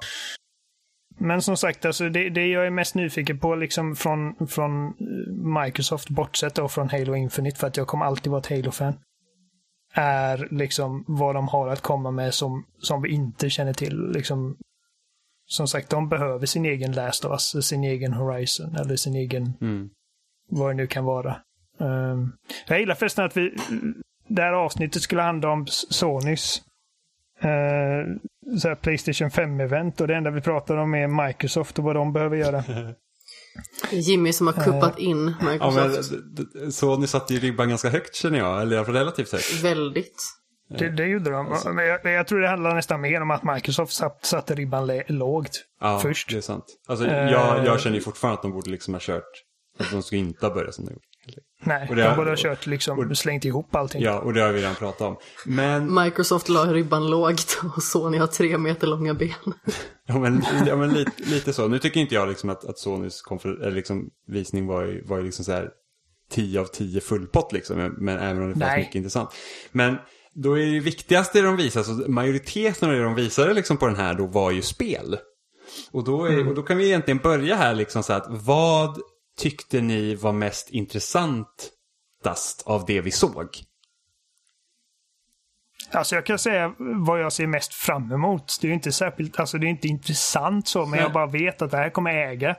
Ah, uh, ja, men liksom, välj, välj ett. Så, så, ta, det du ser mest fram emot av det du såg? Resident Evil Village. Okej. Okay. Jag, eh, jag älskar vad, vad de har gjort med Resident Evil sen sjuan jag älskar sjuan. Jag tycker det är ett fantastiskt spel. En sån grym jävla nystart för den serien. När de behövde det som absolut mest. Och jag kommer ihåg att du var så uh, anti första perspektivet när, jag vet, när, när de visade. Och jag sa, ja men det här är helt rätt väg gå. Du bara, nej jag vet inte. Jag vet, och det är det jag säger där med Kill Your Darlings. Liksom. Det ni tror är heligt, fuck it liksom. Uh, för att det är liksom många gånger vad som behövs. Ja. Och eh, liksom åttan kom här nu. De, de väljer att kalla det Resident Evil Village. Men man ser liksom de romerska siffrorna åtta i titeln. Så att det är liksom nästa stora grej. Um, fortfarande i RE Engine. Alltså RE Engine är en sån grymt jävla bra motor. Ja, så, ja spelen uh, verkligen jättesnygga. Och uh, jag gillar att uh, Alltså de, de, de återvänder lite till det där liksom, du vet, konstiga igen. Med liksom mm. konstigt klädda, liksom väldigt extravaganta och eh, excentriska karaktärer. Men ändå liksom att det känns liksom grundat i någon form av verklighet. Säger jag baserat på typ en två minuters trailer. Men mm. Men det, det känns lite som... Eh, jag fick lite så här Resident Evil 4-vibbar av trailern. Exakt, för att det är liksom en, så här, en gammal by någonstans. Jag vet inte liksom vart det ska utspela sig i världen, men det är liksom lite sletet och det är typ lite pittoreskt och, och väldigt liksom nästan gotiskt på sina håll och det ser, det ser väldigt creepy ut. Um, så alltså, jag bara, jag älskar sjuan. Jag tycker om vad de har gjort. Alltså, Resident Evil 2-remaken var jättebra. Trean är liksom okej. Okay. Men ja. Mm. Uh, jag känner att Capcom vet vad de gör vid det här laget. Mm. Uh, och det är skitkul att se liksom att de är tillbaka i liksom i, ska man säga, full force. Ja, de, efter så många år av bara konstiga grejer. Och de verkar knyta an det här spelet mer till liksom, vad ska man säga, den övergripande Resident Evil-låren också. Ja, Chris är tillbaka och han ser annorlunda ut en gång till. Ja, en gång till. Ja. Han, har, ja. han har flyttat för många bumlingar. Alltså. Och eh, protagonisten från sjuan, Ethan Winters, är tillbaka i huvudrollen, vilket är lite konstigt. För han, eh, alltså, han är ju bara en random snubbe. Jag vet inte vad han gör i den här byn, men alltså, de har ju säkert någon Jo, jo, men, alltså, men samtidigt var inte varenda huvudperson i ett Resident Evil-spel egentligen varit random whatever när de först introduceras. Ah, alltså Chris och Jill i alla fall, de är ju någon form av typ eh, liksom antiterrorist eller alltså, de har ju vapen Jo, jo precis. Och... Men jag antar det att Ethan, alltså egentligen är det ju Mia då från Resident Evil 7 som är liksom den stora knutpunkten för precis, den här nya hon är den hemliga agenten. Precis, och han, och han råkar, bara, han är bara och han råkar, men... och han råkar liksom hamna emellan, vilket gör egentligen att det är därför han som protagonist är intressant. För att liksom han är inte vapentränare och därför kan man ju liksom, speciellt i sjuan då, kunde man ju liksom göra det på ett visst sätt för att han är ingen polis. Precis. Jag skulle inte säga, jag skulle inte säga att han är intressant, jag skulle, men, jag förstår vad du menar. Han, han är väl lämpad för en protagonist i ett liksom, survival ja. horror-spel. Ja, kan, man ska känna sig... Jag kan inte heller säga att han är intressant på det sättet att han är intressant Nej. karaktär. För att jag, alltså, han heter Ethan, det är allt jag vet om honom typ. Ja, ja, och han säger liksom what the fuck när han ser typ de mest horrific jävla monstren. Uh, men, men alltså eftersom att han är, han, han är liksom en nobody. Och, så det gör honom liksom, precis som varför Isaac funkar i Dead Space. Han är liksom en ingenjör. Han, så det är bra för den här känslan att liksom vara ur sin comfort zone. Och eh, liksom en fisk på, på land. Mm. Vad, vad, vad ser du mest fram emot, Amanda? Behöver jag ens säga det? Alltså Sackboy-spelet, eller hur? Absolut. Nej, Horizon 2 Forbidden West var ju kanske det som eh, jag kände absolut mest för. Alltså, jag blev jätteglad när jag såg Spiderman. Jag blev jätteglad när jag såg Ratchet Clank. Alltså, Ratchet Clank är en spelserie som jag verkligen älskar. Tycker är helt fantastiskt. Men att äntligen få liksom se en faktisk trailer för uppföljaren till Horizon Zero Dawn. Alltså det var riktigt härligt. Det, ja, det var ett högt glädjetjut från undertecknad i eh, den här eh, röstchatten som vi hade. Mm. Och det ser ja, ju fantastiskt det... ut, alltså precis som förra spelet så känns det liksom som att de har gjort allt de kan med maskinens möjligheter för tillfället på något vis. Det är ju magiskt att titta på på något vis och att nu få ett nytt område att utforska och liksom fortsätta att eh, ta sig runt med alla de här olika robotfienderna och se vad som har hänt med världen efter skeendena i första spelet. Det ska bli eh, riktigt spännande. Jag gissar ju att det kommer ja, hyfsat tidigt 2021 ändå. Jag tror inte att det kommer komma på hösten. Ja, jag, jag, jag skulle inte förvåna mig om det spelet släpps 2022 till och med. Tror du det? Nej, det skulle inte förvåna mig. Jag kan tänka mig att... Jag har för mig in... att det har gjorts uttalande om att ett Horizon-spel skulle släppas 2021. Det är bara det att det liksom inte utannonserats namn eller eh, liksom visats något Nej, men det var ett av de få spelen vi inte ens fick ett årtal på när trailern var slut. Så därför tror jag att jag, jag, jag har svårt att se att det skulle släppas för första halvan av 2021 i så fall. Alltså jag kan se det komma nästa år, men jag kan också definitivt se det komma 2022 också. Men um... en sak som jag dömer av trailern så tror jag att de fixar ett av mina största problem med spelet och det är det att de verkar ha satsat på att du ska kunna klättra lite överallt. så att det inte är jobbigt att se runt på kartan. Vi fick se en liten eh, så här, typ fem sekunders snutt av henne som klättrar på någon klippa. Ja, så att jag hoppas liksom Och det kan att... mycket väl vara liksom en eh, skriptad klättersekvens, det vet Nej, vi men det får vi inte men- tro. Nu tror jag att de Breath of the Wild där skiten i det här spelet så att jag kommer älska det. Alltså jag fattar ju inte riktigt den problematiken. Jag hade noll problem med Nej, att ta mig runt. Ja, problemet var att jag spelade Breath of the Wild före Horizon och man kände sig så begränsad helt plötsligt. Men det är inte Horizons fel, det är ju ditt fel. Nej, nej, men det är så det är. Alltså det är liksom bara så att okej, jag har spelat nyss ett bättre spel. Det här är irriterande. Varför, varför måste jag gå runt den här kullen när jag bara kunde gå över den? Det var typ så jag, kände tror då. att eh, det känns väl ändå som en av de mest självklara grejerna att lägga till i en uppföljare på Ja, Horizon. det tror jag. Eh, så att, och sen hoppas jag att det inte är någon berättelse där världen går under eller liksom hotas. Utan jag hoppas att det är en mycket mer intimare berättelse för Aloy. ja, men nu har vi gjort det liksom. Eh, jag för mig att, eh, jag för mig att det sl- slutar lite av en cliffhanger. Att det inte är liksom... Ja, det gör det. Ja, jag kommer Jag knappt minns ihåg. inte heller. Jag, jag, Eh. kommer, jag har för mig i alla fall att man, man... Hon gick väl till stället där typ hennes mamma dog eller vad det var. Typ någon gravplats. Jag minns inte. Jag tyckte i alla fall att det var väldigt fint. Ja, det var något sånt. Ja. Avslutningen är jättevacker. Jag har också för mig att det var bra. För då var jag lite purken på att det var liksom hela den här typ Zero Dawn-grejen. Och typ att åh nej, allt liv hotas av den här megaroboten. Jag var såhär, nej, varför måste vi göra det här? Jag hoppas de har kvar eh, ledmotivet. Ja. Absolut. Men, men det är i alla fall Eh. kul med liksom att få se nya liksom, vyer från USA också. Man såg ju så här Golden Gate-bron Ja. liksom, i bakgrunden. Och lite nya monster, eller lite nya robotar och sådana där grejer. Eh, Och de, de grymt detaljerade och vackra undervattenssekvenserna. Absolut. Så det är ofta, ofta så känner jag liksom när man kollar på liksom spel som har haft så här typ eh, undervattenssekvenser som någon sorts selling point. Jag vet Rise of the Tomb Raider och även Uncharted 4. Det är sällan jag tycker att man lyckas göra liksom rent gameplaymässigt något kul under vattnet. Jag Men det tycker kan vi väldigt hoppas sällan om vatten i spel. Ja, nej. Alltså jag, jag vet i spel som typ Uncharted 4 så är det liksom att, att dyka i det spelet, det är väldigt sällan du behöver göra det. Liksom. Eh, och det är snyggt och liksom kolla alla koraller och grejer. Och det styrs tillräckligt liksom smidigt för att det inte ska bli störande. Men samtidigt, liksom, de gör inte så mycket spelmekaniskt med undervattensdelarna i Uncharted 4. Så jag hoppas att de har någonting kul eh, där. Och alltså det enda jag sa när vi såg trailern är att liksom mitt enda krav på det här spelet är att man har liksom större variation på mounts. Att du liksom med då den här liksom eh, hårddisken, SSDn, faktiskt gör det möjligt att eh, kunna overrida någon av de flygande robotarna.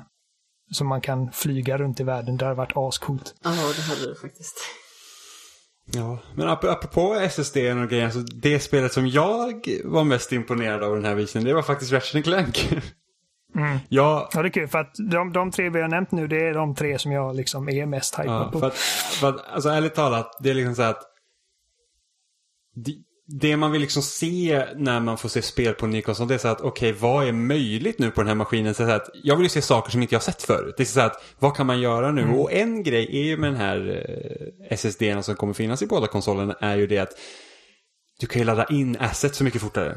Du kan liksom göra saker på ett liksom mycket snabbare och det var ju liksom helt sjukt det man såg för Ratchet Clank för att först när liksom de visar så man hoppar liksom igenom olika riftsen och man får se de här nya liksom världarna bara swisha förbi så snabbt. Det var ju det att jag trodde ju först att det här är ju liksom bara en typ CGI-sekvens. Och sen får man även se liksom gameplay att man liksom kan ju teleportera sig runt lite hur man vill och det var liksom bara så här, det såg så läckert ut. Då är det ju verkligen så att det här är ju liksom inte det, det skulle vara betydligt svårare att göra det på en PS4 än vad det kommer vara på en PS5. Och liksom det, jag kan tänka mig liksom... Alltså, förmodligen omöjligt liksom på samma sätt. ja, alltså man ska, behöva, man ska behöva kringgå en... Man har behövt massa kringgående. Ja, man ska, alltså liksom, och sen beror det på liksom hur stora... Alltså, säg att man liksom hoppar mellan typ tre olika rum som är liksom typ en gånger en meter. Då, är det liksom, då kanske man kan göra det, men liksom på det här sättet, det var liksom helt... Det såg bara så himla kul ut. Och jag har ju bara spelat första Ratchet Clank på PS2 och eh, remaken av den på PS4. Så jag har ju liksom ingen så här jättestor relation till den här serien. Men Nej. det såg bara så kul ut. Jag blev ett fan med eh, PS3-trilogin som börjar med Tools of Destruction. Ja, jag jag känner ju att PS2. vi måste spela igenom de här spelen Jimmy. Jag tror att de har företräde framför Halo. Nej. Jo, Nej, det har de inte. 100 procent. Nej, men alltså, jag tycker att särskilt A Crack in Time till PS3 är så jävla bra. Det var mitt Och, favoritspel innan det till PS4 släpptes. Jag tycker det är väldigt sorgligt att Ratchet Clank inte har fått någon mer titel till Playstation 4. Jag menar, det har ändå gått sju år. Um, och att det kom liksom ett spel i absoluta mitten där 2016 och sen så har det liksom inte kommit någonting mer. Det, det tycker jag var lite synd för att det är en sån spelserie som den är ett så bra avbrott till alla andra spel för det känns som att det är eh, bara så jävla skönt att spela. Ja, men många spel, jag tycker det är jättebra och jag älskar liksom så här mer emotionella upplevelser och mer storslagenhet och sådant där också. Liksom att man får se människors berättelser och att man får beröras och eh, åka på nya äventyr. Men Ratchet Clank det är bara så härligt att bara släppa allt annat och bara flumma loss med alla jättekonstiga prylar som man kan ta sig an. Alltså typ den här diskokulan som får fienderna att stanna Ja. upp och dansa eller fusionsgranater. Att samla muttrar eh, liksom in i all evinnerlighet. Det är helt underbart. Det som Ratchet liksom vinner mycket på är den fantastiska liksom uppfinnes, eller uppfinningsrikedomen de har i sin vapendesign. Eh, Ja, de har så jättekul märks det när de vapen. gör eh, spelen liksom. Alltså, Mm. jag kan liksom bara föreställa mig hur deras typ sådär tankekarta ser ut när de sitter på första mötet. Bara, vad vill vi ha med? Eh, och så kommer alla möjliga knasiga idéer. Jag kan tänka mig att det är oerhört festligt faktiskt. Och det är bara liksom, det är också sånt liksom mer barnvänligt, mindre seriöst spel som ändå inte tappar i liksom produktionsvärde, om ni förstår vad jag menar. När man spelar ett Ratchet-spel så känns det inte som, som att jag spelar Super Lucky's Tale, liksom någonting Eller som Knack. går på Ja, eller på Nacke. Alltså någonting som det känns som att det är liksom en typ bråkdels av eh, liksom det produktionsvärde man finner i andra liksom spel. Alltså det känns inte som en eftertanke. Det här är liksom någonting som ett gäng utvecklare känner väldigt, väldigt starkt för. Och nu vill jag inte säga att de som utvecklar Super Lucky's Tale inte brydde sig om sitt spel, för det gjorde de garanterat. Men ni förstår vad jag menar. Det, det är snyggt som fan. Alltså bara det på PS4 är hur fint som helst. Och de har sån liksom härlig design, inte bara på vapen utan karaktärer och världar och det och bara liksom den lilla effekten med alla de här tusentals muttrarna som sugs mot en och det bara uh, jag känner mig som Joakim von Anka i Pengepingen. Det är liksom Nej, Ratchet Clank är skitbra och jag tänkte direkt när vi såg trailern för det här nya liksom att det här är ett spel som de i princip har börjat liksom designa eller börjat liksom utveckla när de fick reda på att nästa maskin har en SSD. Så de bara okej, nu ska vi hoppa mellan dimensioner och världar som bara fan. Jag gillar också det här, ja men story och sånt, så ni fokuserar på det och så väljer jag det speligaste spelet liksom. Jag bara fuck yeah, samla muttrar. ja. Men det är fantastiskt. ja men liksom det är så att, så att jag har ju alltid velat spela liksom Ratchet Clank och sånt när det var på PS2 och så. Och liksom jag kommer ihåg att när man läser gamla Superplay, så det var ju alltid så här, typ de här nya coola häftiga vapnen liksom som ser inte ut som någonting annat. Det var ju liksom alltid för grunden. Insomniac är bra på det. Även, liksom i, eh, även i Sunset Overdrive fanns det en del riktigt roliga liksom. Ja, men- Och till och med Resistance som är så brunt och trist liksom, i tonen. Har liksom jätteroliga liksom, vapen. Um, ja, nej. Men ett, ett, ett, ett annat spel som jag också får säga tyckte var ganska spännande var det här Kina, Bridge of Spirits. Kina, ja. Ja, det, På tal om vackra spel. ja det, såg liksom, det såg ut nästan så här Disney-esk liksom. Hur, hur, Ja. liksom, hur Frozen ser ut och Tangled och de filmerna. Bridge of the Spirits heter det. Ja, det såg liksom Det, jättetrevligt ut tycker jag.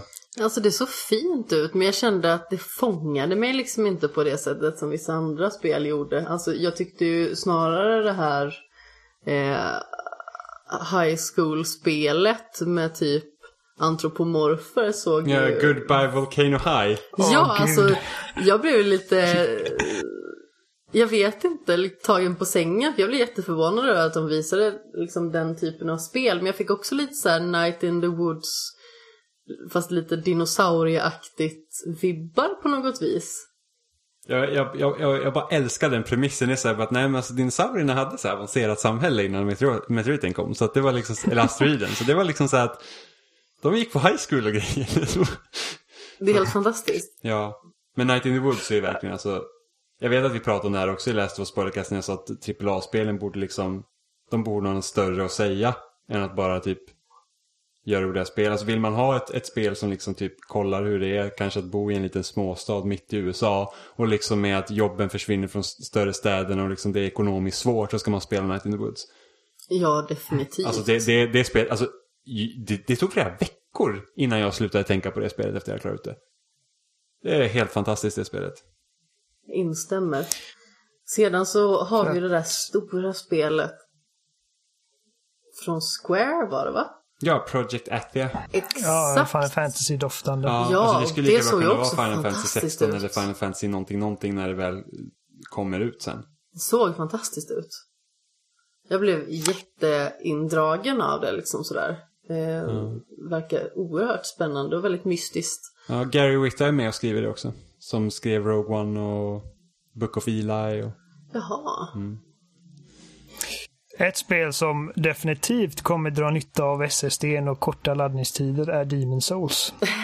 Ja, Som jag aldrig Tänk kommer vad att skönt spela. det hade varit att spela Bloodborne och inte behöva vänta liksom när man dör varje gång. Utan att det bara poff, du är tillbaka vid din lilla bonfire. Ja. Det är alltså typ så här snabbt som Super Meat Boy. Jävlar vad skönt det kommer vara. Jävlar vad mycket mer man kan dö. Ja, Hurra, precis. Jag hinner dö mycket mer per minut. Eh, jag, är- jag hade hoppats på eh, andra grejer från Bluepoint, men alltså det, det går inte att det går inte att säga liksom att uh, Demon Souls inte ser ut att vara jävligt välgjort. För att det, alltså det ser ut att vara gjort från grunden. Ja, det är, en, det, är en, det är en remake. Alltså det är liksom en hel, Ja. de, de bygger om det från grunden. Att det, och jag förstår, det, det, är liksom, det är helt eh, vettigt, liksom rent strategiskt för Sony att lägga pengar bakom detta. För att Demon's Souls var ju PS3-exklusivt. Och alltså, jag kan nog svära på att ingen på Sony hade någon aning om liksom, hur stor den här liksom, serien skulle bli. Eller hur, hur stor From Software skulle bli. Eh, Och Demon Ehm. Souls är ju fortfarande ganska så obskyrt i relation till Ja. liksom eh, deras Definitivt. senare avkommar om man säger så. Ja, alltså det är Absolut. typ en av Sonys största missar under förra generationen. Det var ju det att de inte fångade in eh, From Software.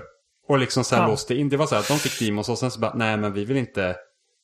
Det där är liksom ingenting. Jag menar, så det är liksom en guldgruva i princip som många inte har spelat. Jag vet liksom att de har ju Bloodborne exklusivt också, men det älskar ju alla. Liksom, alla vet vad Bloodborne är. Så att detta är liksom lite av en typ eh, guldgruva som de har knappt har liksom petat i malmen på. Så jag förstår. Det, alltså det, rent strategiskt är det briljant. Ja, Eh, verkligen. Det är lite och, så här, eh, hörni, kommer ni ihåg det här? Ja. Nu ska vi göra det Och jag menar, jag- snyggare och större. Och Bluepoint är hur bra som helst på vad de gör. Och eh, som sagt, Demon's Souls är det som jag har spelat minst av alla de här spelen. Eh, så att eh, det blir i princip ett nytt spel för mig. Och det är gött för att jag vet att eh, Demon's Souls känns... Nu känns Dark Souls, eh, eh, även Dark Souls känns jätteklankig, men då känns Demon's Souls ännu mer klankig. Så att eh, en liten touch-up där tror jag kan göra underverk. Däremot så vet jag att det kommer finnas purister som hatar allting, varenda förändring som har hänt. Liksom, om det så är liksom, jag, jag har redan sett folk som klagar på att vissa bossfighter är lite ljusare i belysningen i remaken än vad de är i originalet. Eh, men för, för alla oss som inte är liksom så Puritaner. jävla... Precis, och som, inte har, som kanske inte ens har rört det här spelet. För att det är garanterat många som nu älskar de här Souls-spelen som inte har rört Demon Souls för att de inte har haft tillgång till det. Så det, det tror jag kan bli en big deal. Mm. Vet du vad som slog mig? Nej. Man kommer förmodligen kunna spela med eh, Into the Spider-Verse-dräkten i uh, Spider-Man Miles Morales. Ja, tänker du den där han liksom har klätt av sig sin hoodie eller med hoodien och allting? Nej, nej, med. Alltså, hans, alltså så som den ser, ser ut i filmen. För att de har ju animerad PS4. De har ju liksom en tecknad Spiderman-dräkt i Spiderman.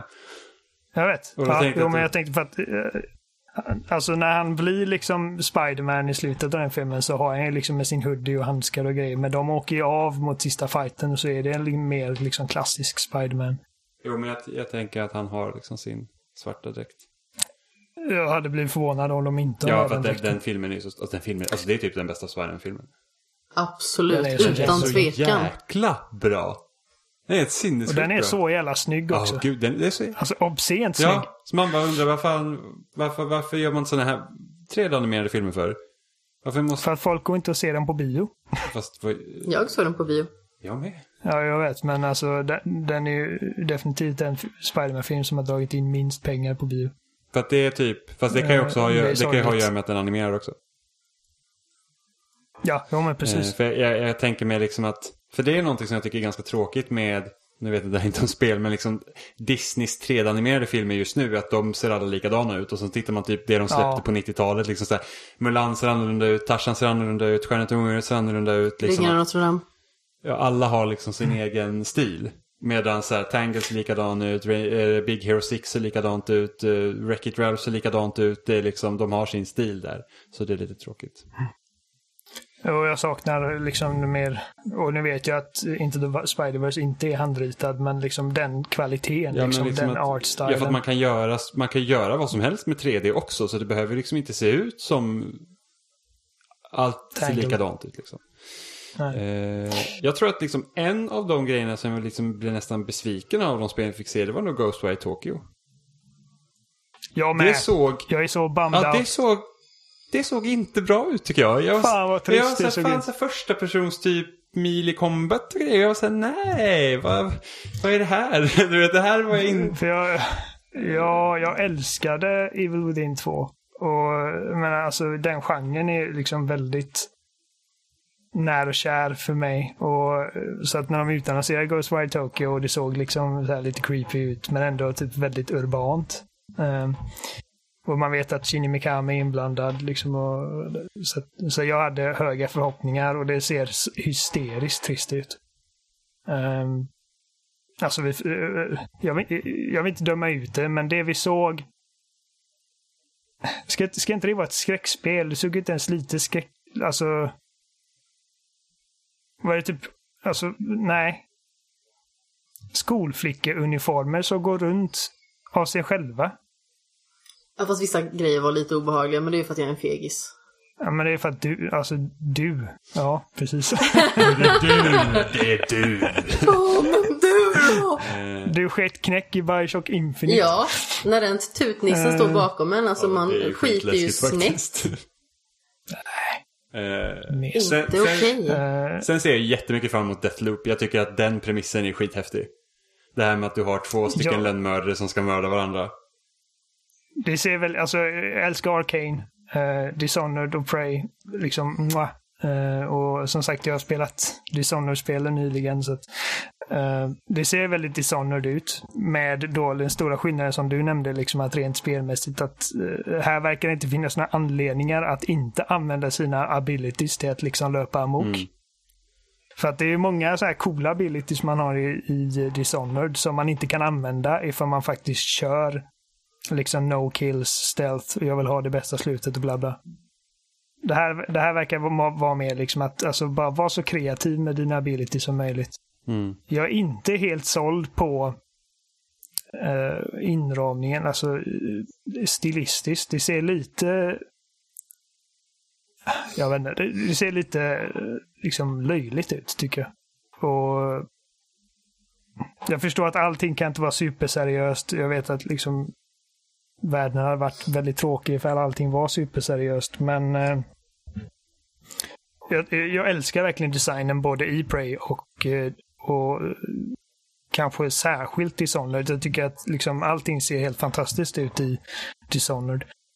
Uh, och rent stilistiskt så är jag inte såld på detta. Men, men som sagt, det ser kul ut. Det är Arcane.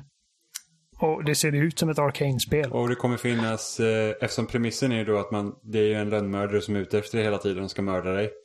Så att det kommer finnas Mm. invasion multiplayers likt typ Dark Souls. Så jag kan tänka mig att Sånt det, låter spännande, men alltså i praktiken kan jag tänka mig att det är rätt bara enerverande. men det, det beror på hur de gör det liksom. Jag kan ju tänka mig att Jo. om någon invaderar dig så kanske ni inte kommer slåss på exakt lika villkor utan du kommer ha en edge eftersom det är ditt spel. Eller något sånt. Ja, Eh, ja, men det är, liksom en, det, är, det är en kittlande tanke liksom. Vi har ju spånat iväg med de här olika multiplayer-idéerna som vi har haft ända sedan vi såg fucking Watch Dogs.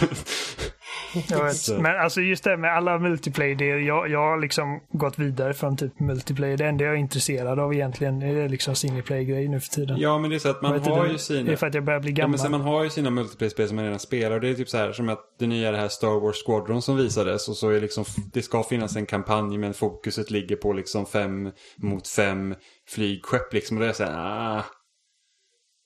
För då Mm. känner jag så att okej, även om kampanjen kanske är trevlig så liksom om, om det ändå liksom inte har- det stora fokuset har legat där då kanske det liksom blir lite typ som de senaste Battlefield-kampanjerna har varit att det är liksom så att det är lite blaha liksom.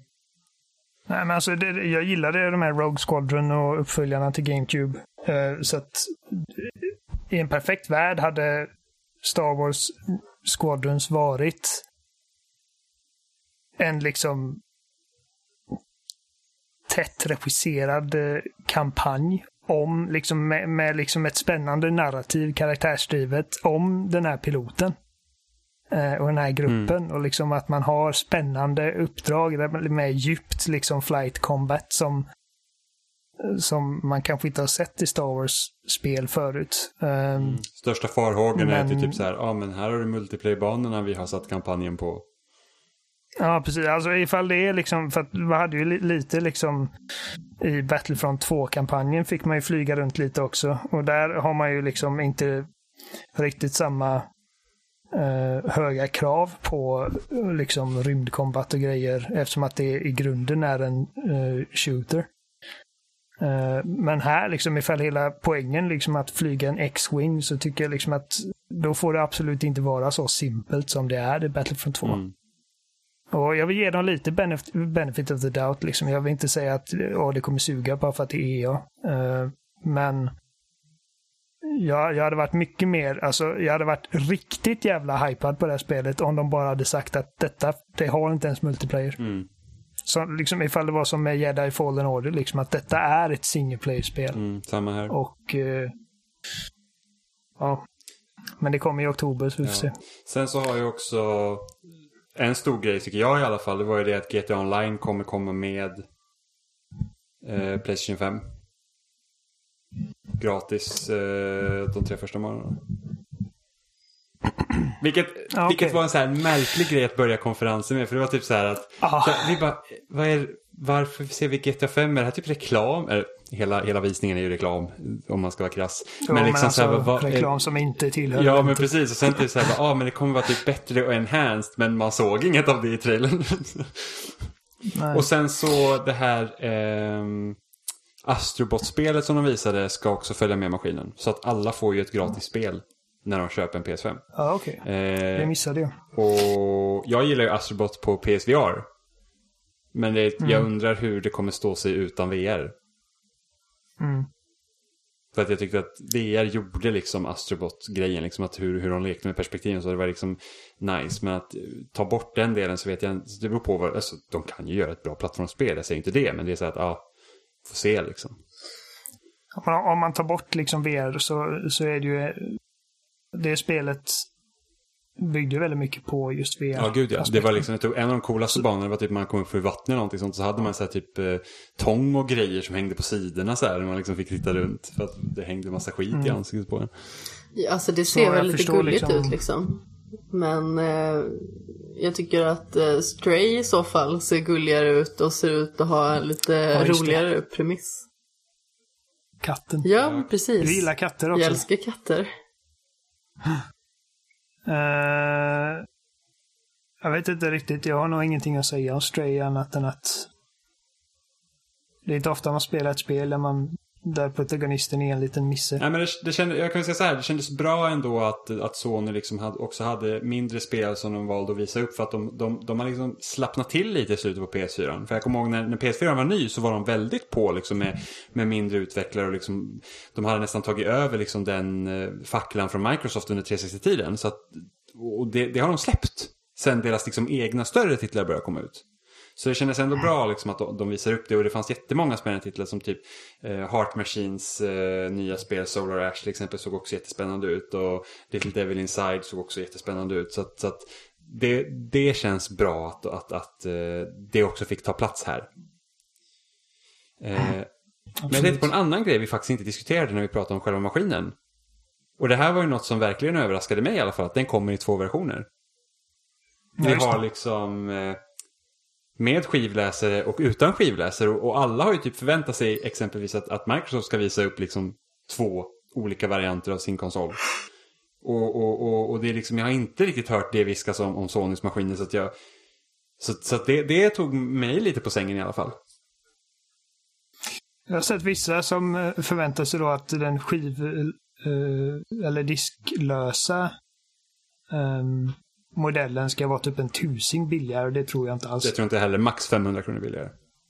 Ja, en skivläsare kostar inte så jävla mycket att Alltså jag tror att om, om de släpper skivläsaren då behöver de heller inte betala några licenspengar.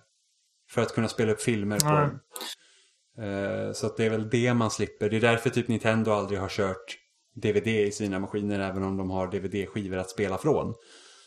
Och man kan ja, typ homebrew. De är för fattiga för att ha råd Nej men det är ju så att man sparar in det. Man kan spara in det. Så att åh, alla äger någonting mm. annat man kan spela en film på. Varför ska du kunna spela film på din Wii liksom? Ja, det är sant. Ehm, så, så att det var spännande.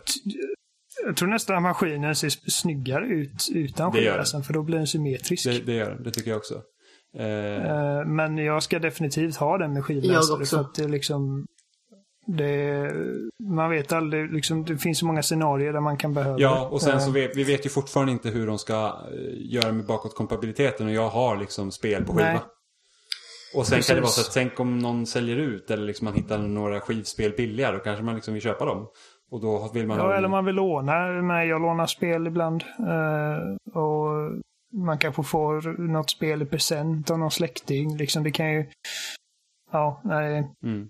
Ja, men i och med att spel fortfarande släpps på skiva och att vi liksom inte har övergått till helt digitalt så känns det som att det är liksom det smartare valet att ta med skivläsare. Alltså om vi bara tar liksom ett sånt scenario som att servrar skulle bli överbelastade eller att eh, det är något fel på PS Store alltså, och det är någon stor release som är på gång. Alltså då vill man ju kanske ha tillgång till sitt spel.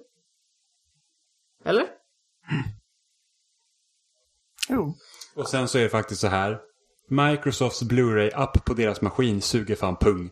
Den är så dålig. Så att jag, ja, jag, jag tittar ju ofta på Blu-ray-filmer på min PS4 för att det är så att startar man har man typ spelat spel innan man kollar på Blu-ray och inte haft av maskinen innan, då är det inte säkert att Blu-ray-appen fungerar.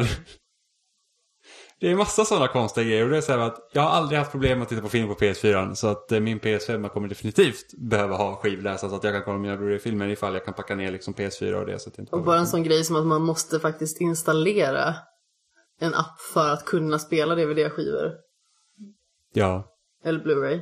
Ja, det, det är jätte... Det, det är bevisat på... Alltså, det är lite tragiskt med Xbox One faktiskt för att det är liksom resultatet av en hel del dåliga beslut Microsoft tog någonstans där vid 2011-2012. att det är liksom, ja. det, alltså när den maskinen kom ur lådan, du kunde inte göra någonting med den om du inte uppdaterade den först. Du kunde inte ens titta på film.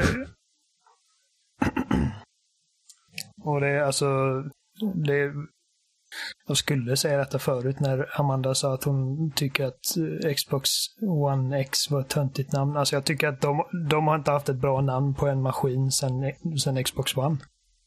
Uh, Xbox One är ett hysteriskt dåligt namn på, på något. Och sen dess är det liksom bara knepigare och bara mer fantasilöst. Uh, i slutändan så spelar inte det heller någon större roll för mig. Men alltså, nu när jag säger Xbox One så vill jag inte kräkas. För att nu har det liksom varit flera år, men... Um... Men det känns som att de liksom bara har kastat in lite slumpmässiga bokstäver och bara så här, jaha, nu heter det här Xbox Ö. Men alltså, de, har, de har ju liksom en tanke bakom det. Det är bara det att de krånglar till det för alla andra. För det är samma sak, Xbox 360. Ingen var... förstår tanken bakom. Det är ja. ju det som är grejen. Men Xbox 360 var så att, okej okay, men liksom Xboxen ska vara liksom, det ska vara central i ditt, i ditt hem. Det är liksom, det, det är ditt vardagsrum den maskinen ska, ska vara i. Och liksom de har kommit full circle med liksom un, som en underhållningsmaskin. Eh, Xbox ja, One var den här all-in-one system. Vilket var liksom att du ska ja. bara behöva Xbox, du kan, du kan liksom köra tvn genom den och allting liksom. Men det var ju typ så att, jo du kan göra allt det här med så att du kan inte kolla på tv via Xbox utan att ha en annan box. Och sen behöver du ha den här boxen för att kunna göra, alltså det var liksom så att Du behöver en box för din box. Logiken brast ju ganska snabbt på den också. Eh, så att det var ju liksom det sket ju sig. Sen Xbox Series X, och det, jag antar att det här Series-grejen är ju det att de övergår mer till en modell som liknar mobiltelefoner. Så att konsolen heter ju egentligen inte Xbox Series X, det är ju liksom, eller brandet är Xbox. Och den maskinen som mm. kommer köpa är liksom Series X av Xbox, om man säger så. I X-serien. Men det är liksom så, så att, vi får ju se hur de gör typ med spelfodral och sånt, men jag tror ju att det ska ju bara stå X. Nej, men vi har sett det kommer vara Xbox kommer stå på fodralen och sen kommer de ha den här fula jävla symbolen där det står Optimized for Series X eller någonting sånt där. Ja, men det, det är en sån här typ, ja, ah, det, det är som att, jag vet, tyskarna jular säkert när de kan få sätta ännu ful symbol på sin jävla USK-märkning. Så att det, ja, så det, det är liksom så att, det, är väl, det, det blir väl så när Microsoft är liksom ett amerikanskt företag, det är lite bräkigt faktiskt. Ja, definitivt. Och jag har väldigt svårt för eh, det bräkiga. Men eh, nu när vi har avslutat kanske med att kasta lite skit på Microsoft ska vi eh, runda av där. Ja, det, alltså, låter ja, logiskt. Alltså, om ni inte har något liksom mer att säga. Nej, alltså. Jag känner mig ja, ganska så klar. Ja, alltså det, det enda som jag kände som jag tyckte det kändes tydligt att liksom det här kommer finnas lagom till launch, det är väl Spiderman-expansionen. Uh, sen har det varit lite... Det är ingen expansion, det, det, är, det, lite... det, det är ett standalone spel. Ja, men precis. Alltså, jag måste ju bara säga, bryta in, det var ju så himla roligt på Twitter för att det var en som eh, skrev liksom och frågade någonting i stil med Ja men eh, är det här ett fullängdsspel eller är det en expansion? Och så var det Insomniac som svarade så här, men det är ett fullängdsspel. Och så var det en som bara, källa på det! Och man bara så här, du pratar med spelskaparen, ja. ditt jon. Ja, men det var ju någon annan också som säger så här, så bara, ah, när någon hade skrivit så här, nej men alltså Spiderman, Miles Morales är ett, ett liksom standalone spel. Och så var det någon som svarade, nej men det är flera webbsidor som säger att det är en expansion. Liksom så vad, vad varför sitter du här och hittar på? Typ han bara, nej men alltså jag jobbar på spelet. jag, jag har praktiskt taget utvecklat spelet så att jag tror jag vet vad jag pratar om. Men det var ju bara för det var ju någon Sony-chef som sa att det var att det var en expansion. Och att, eh, Expansion till precis. spelet som är optimerat för PS5. Att, och, och det, det som Insomniac sa ordagrant var inte att det var ett fullängdsspel, för det tror jag inte det är. Uh, jag tror att det är liksom som en uh, standalone Legacy-grej. Det kanske var. Precis, han sa standalone var vad de sa. Uh, så att du behöver inte köpa liksom en Spiderman liksom en Spiderman remaster till PS4 för att kunna köpa expansionen efteråt. Utan du kan köpa liksom Miles Morales uh, standalone till PS5. Alltså jag ser inte Lost och... Legacy som ett, en fristående expansion. Ja, det, bör, det började som en Nej, expansion alltså, till Uncharted 4. Det började som en expansion. Och sen blev det ett helt spel. Jo, jo, men Uh, det är bara att liksom det blev större och... Uh, men det är liksom, alltså Lost Legacy kostar inte som ett full, fullprisspel. Och det är inte närheten lika långt som ett vanligt, som Uncharted 4 exempelvis. Uh, det är samma med First Light till, till Infamous Second Sun. De men hade kunnat göra det. Det är ju bara typ fem timmar, det är ju ännu kortare. Jo, men alltså jag tror det tog mig typ sex timmar att klara Lost Legacy på sin höjd. Jag minns inte. Jag minns alltså, otroligt lite från det spelet tyvärr. Det var någon Sony exec som sa liksom att detta är liksom i scope, typ som Lost Legacy. Uh, och uh, Insomniac liksom klargjorde att du, liksom, det är en standalone produkt. Uh, vilket liksom för mig antyder att det, det är mycket möjligt att Miles Morales släpps även till PS4. Uh, så skulle det kunna vara. Ett fristående spel i alla faktiskt. fall. Så kan vi mm. Precis. klargöra Och jag kan tänka mig att det inte kommer kosta 699 utan att det blir liksom 399 eller 499 ifall man ska vara liksom Det enda jag säger som talar emot det är det att att de, de vill fr, fram, alltså framställa det spelet som liksom de facto launch-titeln till PS5. Och då släpper man inte det på PS4. Eh, Nej, alltså det, och det, det är som sagt eh, så det, det, är inte omöjligt att det bara kommer till PS5. Och sen kan de göra liksom... gameplaymässiga tweaks som gör att det inte funkar på PS4. Alltså bara det att är Miles Morales snabbare än vad Peter Parker är i Spiderman. Då är, det inte, då är det inte säkert att det funkar på en PS4. För att PS4 orkar inte rita upp det. Så det, det beror på liksom. Ja, vi får se. Det, det, har varit väldigt luddiga, liksom, luddiga uppgifter om just Spiderman. Eh, från liksom, ja, Sony själva. Ja. Liksom att det, typ, de säger en sak, Insomniac behöver klargöra vissa grejer. Ja, men det är, li det eh. är lite luddigt kring PS5 från Sony fortfarande. De pratar inte helt klarspråk alltid. Det är liksom så att, okej, okay, men de spelen fick se vilka är exklusiva och vilka är inte exklusiva. Som den här eh, Project Athia-trailern till exempel. Där står det så här, designed exclusively for Playstation 5. Och då tänker man, okej, okay, men då är det ett, en exklusiv titel till konsolen. Men sen tittar man på samma trailer från eh, från Square Enix själva, då står det inte design exclusively för, för Playstation 5. Då står det så design for, eller optimized for Playstation 5 eller något sånt där. Så de ändrar liksom orden. Så att det, det är lite mm. sån här liksom, okej okay, vad, vad är det ni menar egentligen? Och speciellt det här med bakåtkompatibiliteten, den tycker jag liksom att gå ut och säg rakt på sak vad det gäller. Kan vi spela alla PS4-spel på launch? Eller liksom, är det så att när vi förhoppning är att vi kommer kunna liksom, vad, vad är Alltså hade man kunnat det så hade de sagt det tror jag. Ja men det är det jag också tror. Men jag, vi, vi, vi tjafsar ibland i vår, eller jag tjafsar med Alexander i vår redaktionschatt ibland om att jag säger så att jag tror inte att alla, att du, du alltså du kommer inte kunna spela många spel på launch. Det, det liksom, de kommer släppa över tid. Det är i alla fall så jag tolkar deras liksom, vad de har skrivit. Och han tolkar det helt tvärtom. Han tolkar det som att majoriteten av PS4-spelen kommer funka. Och att det är bara vissa enstaka fall som inte fungerar än. Och att de som de nämnde att det, skulle, att det är ett handfull, de här hundra populäraste, att de är liksom ytterligare optimiserade. Ja, i eller, princip. Eller liksom att det är de som de liksom har testat och de funkar bra. Och de antar att alla andra också funkar, men det kan finnas de som inte fungerar. Och bla bla. Men jag, jag köper inte det, och vad de har sagt. Jag tror att hade det varit så simpelt att alla dina PS4-spel kommer gå att spela på PS5 dag ett så hade de jag sagt vet. det bara i de ja! orden. Ja! varför ska man komplicera det ifall det inte är komplicerat? Och det, och det... Jag tror bara att de, de, de jobbar Precis, fortfarande och det ska ju vara så att vi kan inte lova det just nu för att det är osäkert. Men det är så att... Ja.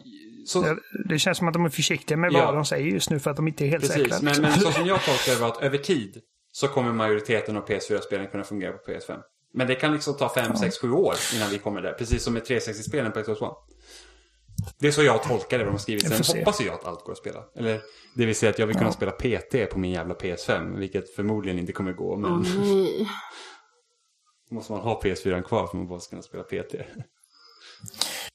Men eh, uh, där sätter vi nog punkt för idag tror jag. Ja, vi, vi har pratat länge. Jag har inte direkt något mer att tillägga just nu. Det ska bli spännande att se hur det urartar sig fram till släpp. I alla fall. Nästa vecka så kommer vi prata Last of Us 2. Det kommer vi göra. Precis, och, eh, och vi har en gäst också. Eh, har vi? Ja, just det. Jajamän. Stefan va? Det är korrekt. Yes, våran eh, kompositör. Ja, så skicka in frågor och fråga hur det bo i Norrland. Hur, hur många björnar han har jagat. Hur känns det inte att vara en del av civilisationen? Nej, jag skojar bara. Eh, mm. Men eh, ni hittar oss som vanligt på spelsat.com. Där finns också länkar till alla ställen vi finns på. Vi, ni kan lyssna på oss på er eh, favoritpodcast-app. Eh, Spotify, Apple Podcast eller vad ni nu lyssnar på era Android-telefoner.